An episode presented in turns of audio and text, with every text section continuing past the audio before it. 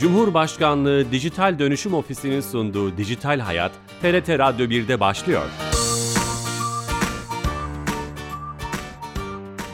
Herkese merhaba, ben Bilal Eren. Teknoloji ve dijitalleşmenin hayatlarımızı etkilerini ele aldığımız Dijital Hayat programımıza hoş geldiniz. Her cuma saat 15.30'da TRT İstanbul Radyo stüdyolarından kulaklarınıza misafir olmaya devam ediyoruz. Bu hafta bilgiye erişebilmenin, ulaşabilmenin önemine dair bir konuyu ele almak istedik. Konumuz bilgi edinme hakkı ve bilgi edinme hakkının iletişim teknolojideki gelişmelerle neye de- değiştiği, neye dönüştüğünü, etkilerini konuşacağız. Çok değerli bir konumuz olacak. Türkiye Cumhuriyeti Bilgi Edinme Değerlendirme Kurulu Başkanı Profesör Doktor Hasan Tahsin Fendoğlu hocamız bizimle olacak. Ankara'dan telefonla canlı yayınımıza katılacak. Ama her hafta olduğu gibi yayınımız öncesinde Dijital Türkiye ekibinden Ayşe Turun'a bağlanacağız ve Türkiye Gov.tr'den bir özellik kendisinden dinleyeceğiz. Ayşe Hanım, Bilal Bey iyi yayınlar. hoş geldiniz yayınımıza. Teşekkür ederim. Söz sizde efendim. Teşekkür ediyoruz Bilal Bey. Ee, Bilal Bey biliyorsunuz E-Devlet Kapısı yoluna en çok kullanılan hizmetlerin kullanıcılara elektronik ortamdan sunulması fikriyle çıkmıştı. Ee, ama artık e, üzerinden 10 yıldan fazla zaman geçtikten sonra tabii ki biz de e, belli başlı özelliği olan sektörlere yönelik hizmetleri sunmaya başladık. Bunlardan bir tanesi de geçen hafta açılmış olan e, deniz sektöründe, denizcilik sektöründe çalışılan çalışan kişiler için hizmetlerimiz. Ulaştırma ve Altyapı Bakanlığı ile yapılan çalışmalarla gemi acenteliğine ilişkin 6 adet hizmet E-Devlet kapısında açıldı. Bu hizmetlerle birlikte gemi acenteliğine ait e, yetki belgeleri, tanıtım kartları, şube yetki belgeleri, personel bilgileri dahil birçok bilgi ve belge E-Devlet kapısından artık sorgulanabiliyor ve doğrulanabiliyor. Hı hı. Bugünkü konumuz bilgi edinme hakkı. Tam da üstüne e, bilgiye ulaşımla ilgili harika hizmetler olmuş. Emeklerinize sağlık. Teşekkür ediyoruz. İyi yayınlar diliyorum. Sağ olun. Çok teşekkürler. Dijital Türkiye ekibinden Ayşe Torun'la beraberdik. Her hafta olduğu gibi. E, şimdi Türkiye Cumhuriyeti Bilgi Edinme Değerlendirme Kurulu Başkanı Profesör Doktor Hasan Tahsin Fendoğlu hocamız hattımızda. Sayın hocam. Merhabalar Bilal Bey. Hocam hoş geldiniz yayınımıza. Sağ olun, hoş bulduk. İyi yayınlar diliyorum. Çok teşekkür, ediyoruz. ediyorum. Hep hep hep beraber. Hocam e, hızlıca şöyle başlayalım mı? Hiç bilmeyenler Tabii. için bilgi edinme hakkı nedir? Nasıl tanımlayabiliriz? Tabii. Yani idare ile vatandaş arasında bir köprü olmak üzere 2003 senesinde bir kanun çıkarıldı. 4982 sayılı kanun. Bilgi edinme hakkı kanunu olarak çıktı bu. 2010 senesinde anayasal bir hak mesabesine yükseltildi ve kanunların yanında yönetmelikler de çıktı. Cumhurbaşkanlığı yönetmeliği 2004 ve 2006 senelerinde. Dolayısıyla aslında bilgi edinme hakkının kabul edilmesi ve bunun anayasal bir hak olması Türkiye'miz için önemli bir adımdır ve sessiz bir devrim kabul edilebilecek olan bir adımdır bu. Bununla vatandaşın idare ile ilişkilerinde sorun yaşamaması için idaredeki herhangi bir bilgi veya belgeye ulaşımı kastediyoruz. Herhangi bir kamu çalışan yani bütün belediyeler, bütün devlet organları, bütün bakanlıklar, bütün vilayetler bunların tamamında herhangi bir kişi kurumda çalışan veya çalışmayan bunlar kendi yani idaresiyle ilgili veya ilgili olduğu herhangi bir konu ile ilgili olarak bilgi veya belgeye ulaşmak isteyebilir ve bunu kendi kurumundan isteyebilir.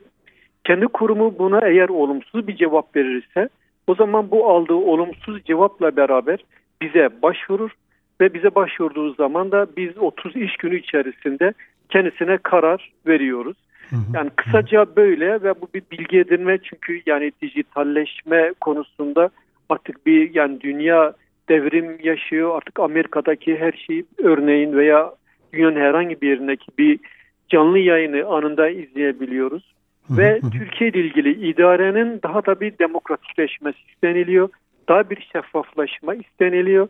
Bürokrasinin ve devlet organlarının halk tarafından denetimine biz bilgi edinme hakkı diyebiliriz.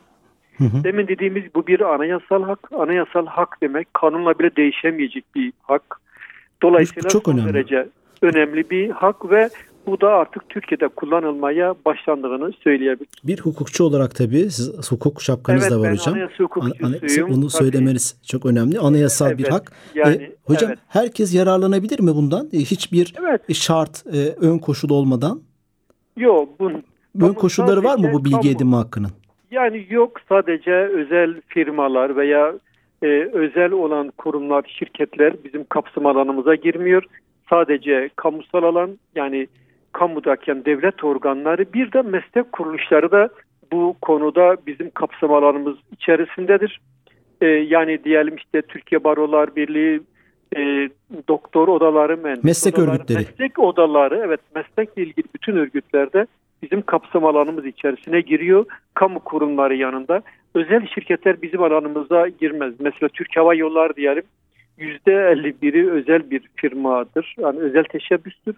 Yani bilindiğinin aksine kamu değildir örneğin. Veya yani %51 sermayesi devlete aitse bizim kapsam alanımızdadır.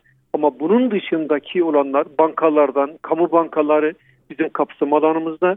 Ama yani eğer %51'i özel bir sermaye ise o zaman bizim kapsam alanımızda değil. Şöyle denebilir mi hocam? Evet. O zaman evet. kişisel veriler, ticari veriler, devlet sırrı gibi konular dışında her şey... Ha, yani şöyle efendim onu şöyle arz etmemiz lazım. Buyurun hocam. Kanunun istisna saydığı konular var.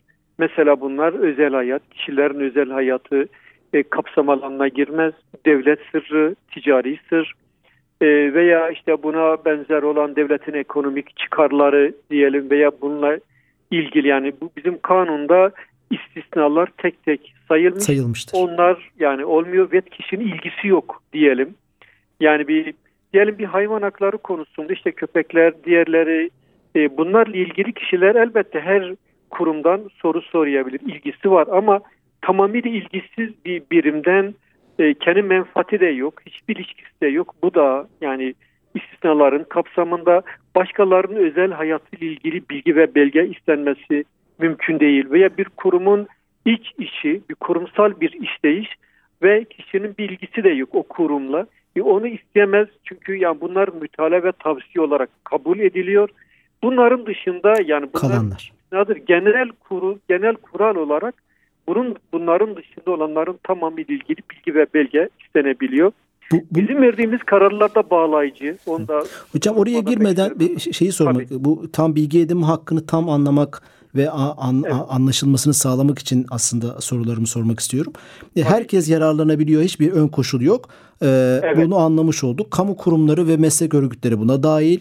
Ee, üçüncüsü de e, ka, ka, kanunda e, sayılmış kişisel veriler, ticari veriler gibi bunların hepsi tek tek e, sayılmış, evet. yazıya dökülmüş, evet. Bunlar e, tespit edilmiş şeyler dışında kalanlar üzerinde evet. bilgi edinme hakkı. Peki her türlü bilgi verilmek zorunda mı sorusunda aslında cevabı bu olmuş oluyor. Peki hocam bunu nasıl kullanabiliyoruz? Yani e, bu bunu, bilgi medya yani, hakkını? Şöyle diyebiliriz belki. iki kademeye bölmek lazım konuyu.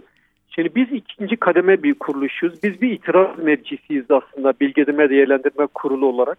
Ve bizim kurulumuz 9 kişiden oluşuyor. Yargıtay Genel Kurulu bir üye gönderiyor bize. Danıştay Genel Kurulu bir kişi gönderiyor. Cumhurbaşkanlığı Devlet Denetleme Kurulu'ndan üye bir kişi gönderiliyor. Adalet Bakanlığı'ndan bir genel müdür yine bize gönderiliyor. Türkiye Barolar Birliği Baro Başkanı yapmış bir avukat arkadaşımızı gönderiyor bize.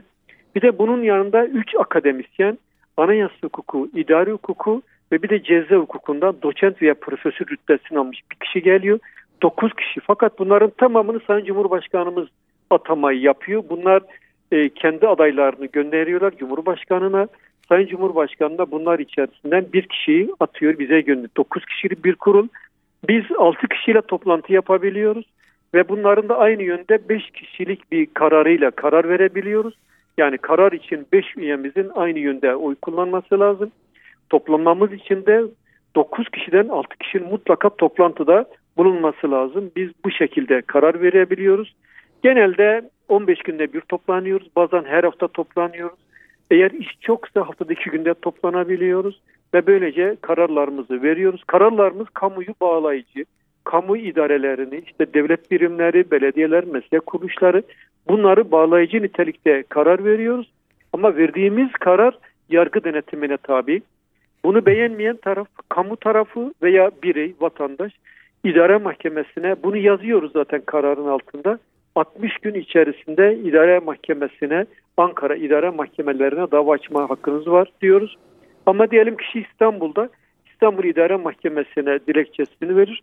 İstanbul Nöbetçi İdare Mahkemesi de dosyayı Ankara'ya gönderir ve Türkiye'nin her tarafındaki kişilerde idare mahkemelerine dilekçelerini verirlerse onlar Ankara İdare Mahkemesi'ne dava açmaları mümkün. Peki, peki hocam bu kanallardan bir tanesi mi yani size başvuru? Bir vatandaş herhangi bir kurumdan Bize- bilgi edinme hakkını kullanarak herhangi bir bilgiyi bir şeyi soracaksa siz kanallardan bir tane misiniz yoksa başka kanallarda var Şöyle mı? diyelim efendim. Evet yani o tabi biraz eksik kaldı. Şimdi bu bütün kamu kurumları birinci kademedir. Yani belediyeler, valilikler, belediyeler, bakanlıklar vesaire buraya başvurur kişi buradan bir cevap ister. Ve genelde %90 oranında vatandaş kurumlarından memnun kalıyor. Ve onların verdiği cevap hoşuna gidiyor. Yani kendi içine geliyor diyelim. Ve bu kurumlardan verilen eğer karar kişinin yani işine gelmiyorsa, bunu beğenmiyorsa o zaman itiraz olarak bize başvuruyor. Veya cevap alamıyorsa veya cevap Cevap alamıyorsa. alamıyor. O da olabilir. O da sürede 30 gün idareye cevap verdi. İdare 30 gün içerisinde cevap vermedi. O zaman idareye verdiği o dilekçeyi onu bize yine göndermesi lazım. Bir, bir de e, oradan cevap alamadığını bize bildirmesi lazım. Ben bildirdim. Benim ekteki dilekçem de bu ama bir cevap alamadım. 30 gün de geçti. Ama 30 günü takip eden 15 gün içine bize başvurması lazım. Biraz süreler, süre sıkıntısı var ve bu konuda vatandaşın mağdur olmaması için de sürelere çok dikkat etmesi lazım. Burada 15 gün önemli bir Bu- süre. Eğer bu süre evet yani bunda eğer yani uyumazsa biz reddediyoruz. Çünkü biz de zamanla bağlıyız. Usulden red kararı veriyoruz ve biz de 30 iş günü içinde karar vermek durumundayız. Bizim de yani Sizin de bir zaman kısıtınız var. var. Tabii evet yani böyle bir birim zamanla yarışan bir birim diye. Şöyle anlatı. O zaman Evet. şöyle şöyle doğru mu anladım hocam? Birinci kademede ilgili kuruma başvuracağız. Hoşumuza Evet. gitmezse, tatmin olmazsak veya eksik Evet. olursa veya hiç cevap alamazsak size başvuruyoruz. Evet. Siz ikinci kademesiniz. Sizin üstünüzde bir kademe kademe- var mı? Bizim üstümüzdeki birinci kademe idare mahkemeleri. Mahkemeler, İdare- tamam. Yani idari başka bir şey yok. Biz yani e, kanunla kurulmuşuz bir bir birim olarak bizim kararımız bağlayıcı. Bizim üzerimizde yürütme olarak hiçbir organ yok.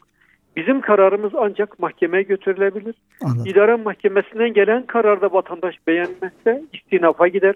Yani bölge idare Ama sizden gider. cevap almama gibi bir durum söz konusu değil. Öyle anlıyorum. Mümkün değil öyle şey. Tam anlamadım. Sizden cevap Değil. alamama gibi bir şey söz Yok, konusu değil. Mutlaka Yok, bir, bir mutlaka cevap cevap gelecek.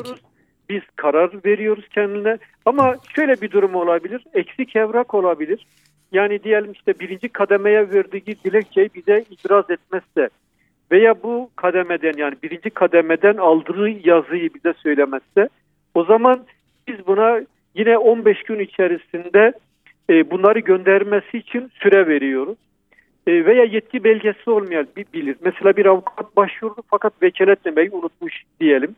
Veya diyelim bir apartman yöneticisi yöneticilik belgesini unutmuş diyelim. Yani bu tür bir eksik Eksiklik bir varsa. varsa evet. onu biz bildiriyoruz. Yani reddetmiyoruz onu hemen ve 15 gün süre veriyoruz.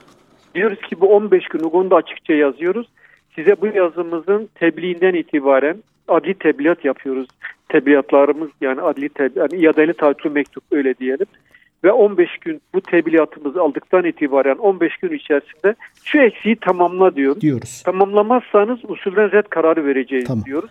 Bu tamamlayıp bize gönderiyor ve biz o zaman bunu esasına giriyoruz ve karar veriyoruz. Sağ olun. Hocam şöyle e, bu arada yeni katılan dinleyicilerimiz vardı. Türkiye Cumhuriyeti Bilgi Edinme Değerlendirme Kurulu Başkanı Profesör Doktor Hasan Tahsin Fendioğlu hocamızla bilgi edinme kanununun ne işe yaradığını, anlamını ve nasıl prosedürün işlemi nasıl çalıştığını konuşuyoruz. İkinci aşamaya geçmeden hocam so- şu soruyu da sormak istiyorum. Bunu Tabii. fiziki illa mektupla bu tip araçlarla kanallarla mı yapmamız lazım yoksa artık bunu internet üzerinden e-posta ile e-devlet üzerinden e, yapabiliyor muyuz? Oradaki şeyler neler kolay? Tabii ki yani e, geleneksel usul ıslak imza mektupla bize başvurmak mümkün. Fakat bu e-devlet kapısı üzerinden başvurmak da mümkün. Bunu yeni açtık. Çok güzel. Yani hazırlıklarımız yeni tamamlandı. E-Devlet üzerinden de bize başvuru mümkün. Ayrıca 15 Haziran'a kadar da CİMER üzerinden başvuru da mümkün. E, Yani 15 Haziran'da CİMER artık tamamlayacağız. Çünkü E-Devlet e, daha ileri bir adım bizim açımızdan. E, Yani dijital olarak bize başvuru başvuru olacak. Peki Evet, hocam birinci evet. bir- birinci kademeye dijital olarak başvurabiliyor muyuz? Siz ikinci kademesiniz ya. Birinci kademeye de elbette Dij- başvuru tamam. mümkün. Dijital Yani- kanallarda açık yani bu Tabii konuda. ki kesinlikle açık. Oraya başvuruluyor ve oradan da cevabını alıyor. 2020 ve 2021 istatistiklerimiz bizim şunu gösteriyor. %90 oranda birinci kademe ile vatandaş anlaşıyor, uyuşuyor öyle veya böyle. Bize gelenler daha zor problemler yani %10 olan eller bize geliyor ve çünkü biz bir itiraz merciyiz. Ve işte dediğimiz gibi de bizim kararımız da idare mahkemelerin denetimine tabi veya vatandaş isterse istinafa gidebilir.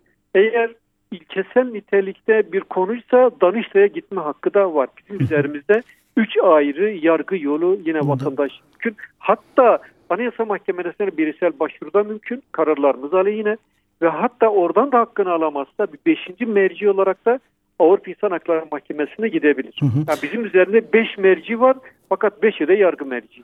Bu akışı ve modeli öğrendiğimiz çok iyi oldu hocam. Evet. Bu aşamada son yani soru... Böyle gelenler de var. Yani Avrupa İnsan Hakları Mahkemesi'nden dönen 2016'da bir karar vermişiz. Hı hı. 2016'da verdiğimiz karar, red karar vermişiz. İdare Mahkemesi red karar vermiş. İstinaf red kararı vermiş. Danıştay da red kararı vermiş. Hatta bizim Anayasa Mahkemesi de red kararı vermiş ama Avrupa İnsan Hakları Mahkemesi'ne bu, bu tür kararlarda olabiliyor yani. Anladım. Hocam son sorun bu aşamada CİMER dediğimiz hani kamuoyunda en çok bilinen bilgi edinme evet. hakkının kullanıldığı kanallardan bir tanesi sanırım. Evet. CİMER, CİMER bu kademelerde birinci kademe başvuruları için mi e, örnek teşkil evet, ediyor? Evet, Nereye koyabiliriz evet, onu? Aynen doğru onu yani birinci kademe başvurularda CİMER gerçekten çok etkili. Hatta bize başvurular içinde biz yani bir yıldır CİMER üzerinden de başvuru kabul ediyorduk. Ama CİMER'le başvurumuzu 15 Haziran'da artık nihai yani etmeye, sonlandırmaya kurul karar verdi. Çünkü E-Devlet'e başladık. E-Devlet üzerinden Anladım. başvuru almaya başladık. O nedenle artık CİMER dediğiniz gibi sadece birinci kademe için bir başvuru yolu olarak, olarak yine bir temel bir başvuru yolu. Evet daha önce BİMER'di sonra CİMER oldu. CİMER oldu. E, ve dünya çapında bir kuruluş CİMER bunda yani bahsetmek lazım. Bütün dünya ölçeğinde de e, çok takdirler alıyor.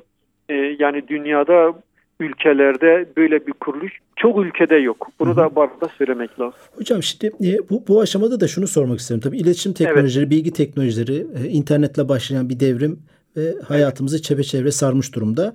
E, bunun bilgi edinme hakkı üzerinde sizin anayasal hukukçusu olarak bu şapkanızı da sormak isterim. Nasıl etkiliyor bilgi edinme hakkını? E, şunu belki, belki aşağı doğru biraz daha kıracak olursak işte açık veri dediğimiz bir şey yükselişte trend olmuş durumda. Evet. Dezenformasyon ve sahte bilgi gibi yeni yeni savaş alanlarımız var. İletişim teknolojileriyle evet. bir problem olarak karşımıza duruyor. Bilgi, bilgi edinme hakkı dijital çağda nerede? Yani şimdi tabii ki bilgi kirliliği de var. Evet. Ee, yani başvurularda çok mükerrer başvuru oluyor. Ee, yani mesela şu anda işte 6. aya başladık. 6 ay içerisinde 40 40 kez başvuranlar Neden var. Neden hocam? Yani Neden hocam? Bunun yani nedeni ne? Bunlar da oluyor. Bunu e, yani kişi hakkını alamamaktan değil de bunu sevenler var öyle diyeyim. Yani çok sürekli başvuranlar, mükerrer başvuranlar. Yani bu işi biraz bilmiyorum yani fazla başvuranlar da var. E, bunlar biz reddediyoruz mükerrer. Aynı konuda diyelim 10 kez başvuru yapılıyor. Bunlar yani bir mükerrerlik, bir bilgi kirliliği olabiliyor.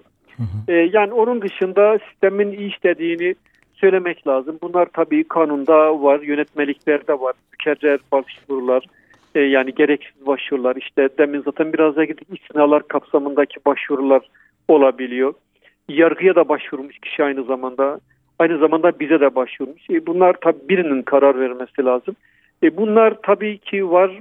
E, yani dolayısıyla bu yani dezenformasyon, karalama bunlar da var. Bunlar tabii kişisel haklar, özel hayatın gizliliğine giriyor anayasanın 20. maddesi anlamında.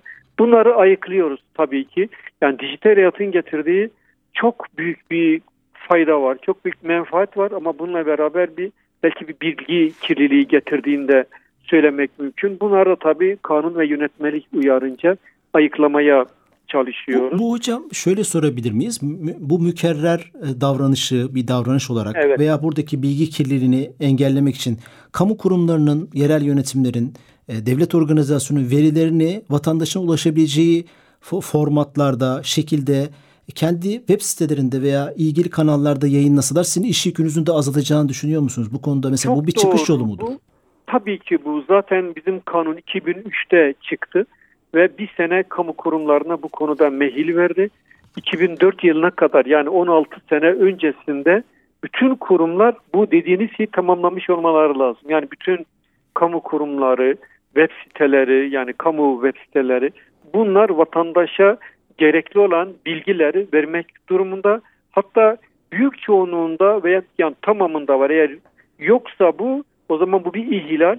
Mesela meclise de girildiği zaman tbmm.gov.tr'ye orada bilgi edinme ikonu var. Bu tıklanabilir. Bütün bakanlıklarda da aslında var. Bütün belediyelerde var. Bilgi edinme diye bir ikon. Hı hı. Bu tuşlandı yani tıklandığı zaman bu hemen karşına bilgi edinme ile ilgili bilgiler çıkıyor.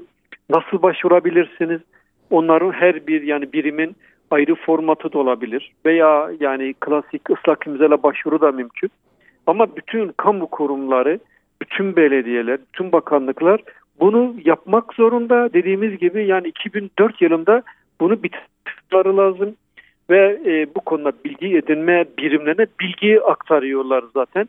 Bilgi edinme biriminde çalışanlar o bakanlığın veya belediyenin veya birimin veya valiliğin ilgili birimden hemen bilgi alıyor ve bunu da 15 e, gün içerisinde bildirmesi lazım. Ama eğer başvuru birkaç müdürlüğü ve birkaç belediyeyi diyelim ilgilendiriyorsa o zaman 30 güne kadar da çıkabiliyor bu cevap verme. Çünkü süreli yani daha geniş bir sürede verilebiliyor. Tabii kanun ve yönetmelikte hı hı. bu konuda limitler belirlenmiş. Ve yani dolayısıyla bütün yani kamu kurumları da kendisini buna göre hazırlamalı ve web sitelerini buna göre düzenlemeli, vatandaşa bilgi vermeli. E tabi bu arada da bizim bütün yılların istatistikleri yani bütün kurumların, valiliklerin, belediyelerin, bakanlıkların bunların tamamının bilgi ile ilgili istatistikleri bizim e, meclisin web sitesinde yayınlanıyor. Bu da önemli Her sene bilgi. çok önemli. Sizin yani bilgi edinme de, bilgi edinme değerlendirme kurulunun çalışmalarını içeren istatistik veriler Türkiye Büyük Millet Meclisi'nin web sitesinde evet. var. Öyle mi anlıyorum? Ama çok doğru ama e, buna şunu da eklememiz lazım. E, bütün valilikte diyelim İstanbul Valiliği işte Hakkari bütün illerin, bütün belediyelerin verileri de orada. bütün yani kamu kurumları, bütün valilikler, bütün belediyeler, bütün üniversiteler, YÖK, Milli Eğitim vesaire bunlar Ocak ve Şubat aylarına bize göndermek zorundalar tüm istatistiklerini. Tamam. Ve biz de bunları alıyoruz. Mart ve Nisan aylarına iki ayda bize yönetmelik ve kanun süre tanımış. Biz iki ayda bunların grafiklerini yapıyoruz ve meclise gönderiyoruz. Ki bu yılın yani 2021 sona erdi. Bunları biz meclise gönderdik. Şu anda Orada yayınlanmak üzere veriliyor hocam. Haziran'a kadar onların süresi var. 30 Haziran'da da meclis bu istatistiklerin tamamını analizlerle beraber yayınlayacak. Bu bilgi de önemli Şimdi, hocam. Süremizin evet. sonuna geldik. O yüzden evet. e, e, şey yapıyorum. Evet. Son 10 saniyede şunu sorabilir miyim? Sizin diğer kurumlara e, e, şeyiniz var mı? Açık verilerini yayınla diye bir yetkiniz var mı? Böyle bir söylem yetkiniz var mı? Son 10 saniye hocam. Yok şey, mu? Tabii şey bizim ilke kararı alma yetkimiz de var. var. Tamam. Yani tabii herhangi bir kamu kurumuna bir eksiklik varsa bilgi edinme ile ilgili ilke kararı alırız ve bunu bildiririz ve ilgili kuruma söylersiniz. bağlayıcı. Bütün kurumları bağlayıcı. Çok teşekkürler. Hocam e, zamanımızın süremizin sonuna geldik. Şeref verdiniz. Çok teşekkür ederiz. Sağ olun. Şeref buldum. Çok teşekkür ediyorum. Sağ olun. Çok teşekkürler. Sağ olun. Türkiye, Türkiye Cumhuriyeti Bilgi Edinme Değerlendirme Kurulu Başkanı Profesör Doktor Hasan Tahsin Fendoğlu'yla e, süremizin yettiği kadar bilgi edinme hakkını, kanununu, haklarımızı bu konudaki iş modelini konuşmaya çalıştık. Bu programımızın kaydı yarına itibaren YouTube ve podcast kanallarımız olacak. Haftaya yeni bir konu ve konukla beraber olacağız. İyi hafta sonları, hoşçakalın.